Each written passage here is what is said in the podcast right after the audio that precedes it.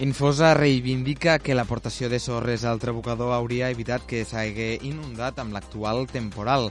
Amb la primera jornada del temporal Cèlia s'ha tornat a inundar la barra del trabucador al Delta de l'Ebre i ha deixat incomunicada la planta de sal de la punta de la banya. Infosa, que gestiona les salines de la Trinitat, ha aturat l'activitat d'almenys una setmana i lamenta que la situació seria una altra si no s'hagués posposat l'aportació de sorres a l'istme que preveia fer l'Estat a la tardor.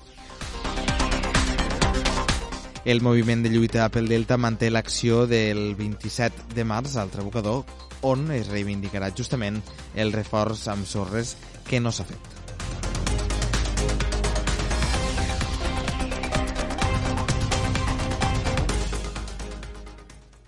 Acaba sent tot un, un tema de volums. O sigui, nosaltres quan reparem la barra eh, fas el que pots fer com a fàbrica, com a empresa. Vull dir, nosaltres no podem plantejar-nos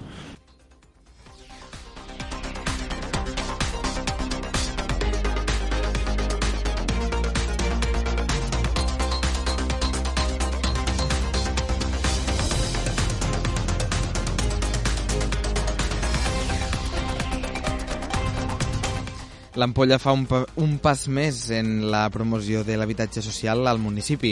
El ple ordinari del mes de març a l'Ampolla, celebrat este 10 de març, ha aprovat per unanimitat el conveni de col·laboració entre el Consell Comarcal i el Consistori Ampollero en l'àmbit de les polítiques de programes socials d'habitatge. Arran de la situació econòmica i social provocada per la pandèmia de la Covid-19, l'Ajuntament de l'Ampolla ha fet un pas més en l'oferta d'habitatges socials al municipi.